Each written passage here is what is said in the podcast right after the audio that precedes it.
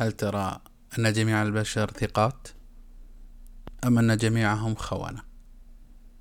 ربما أن البشر لا يتشابهون. أهلا وسهلا بكم في بودكاست زاوية. وعنوان ملفنا اليوم الثقة بالآخرين.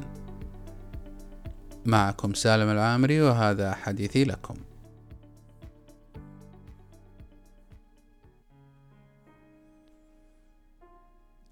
غالبا إذا مر الإنسان بتجارب سيئة مع الآخرين كالخيانة والخذلان يبقى تأثيرها لمدى بعيد حيث تصبح من مكونات شخصية هذا الإنسان ويصنف كشخص لا يثق بالآخرين.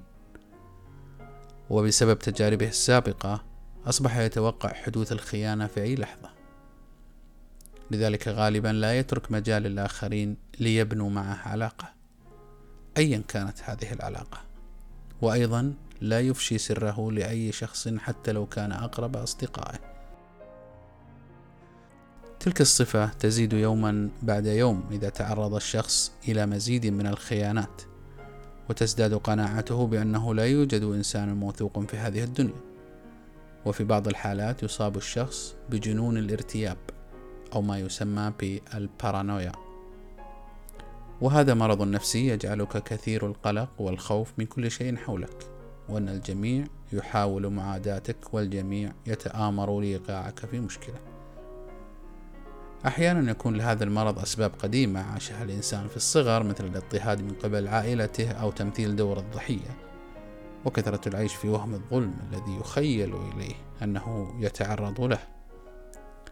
هذا الشخص لا يعطي مجالا للآخرين للتوغل في حياته لأنه يعطي انطباع مسبق عن أنهم غير جديرين بالثقة ويهيئ نفسه طبقا لذلك بالرغم من أنه لم يختبرهم ولم تبدو منهم علامات توحي بذلك وبالرغم من أنه لم يسمع عنهم أي سابقة بالخيانة وعدم الثقة.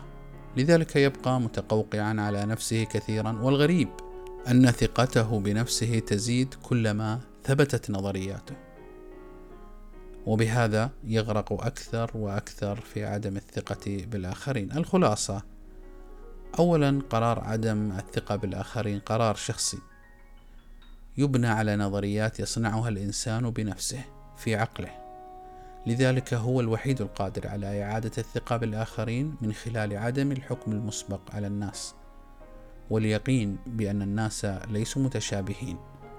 عليه أيضا أن يتذكر مواقف الثقة التي مرت عليه في حياته ويبني عليها آماله فما زال الوفاء في البشر موجود. ولا يجوز أن يتحمل أشخاص ثقات أخطاء غيرهم ويعاقبون على ما لا يفعلون.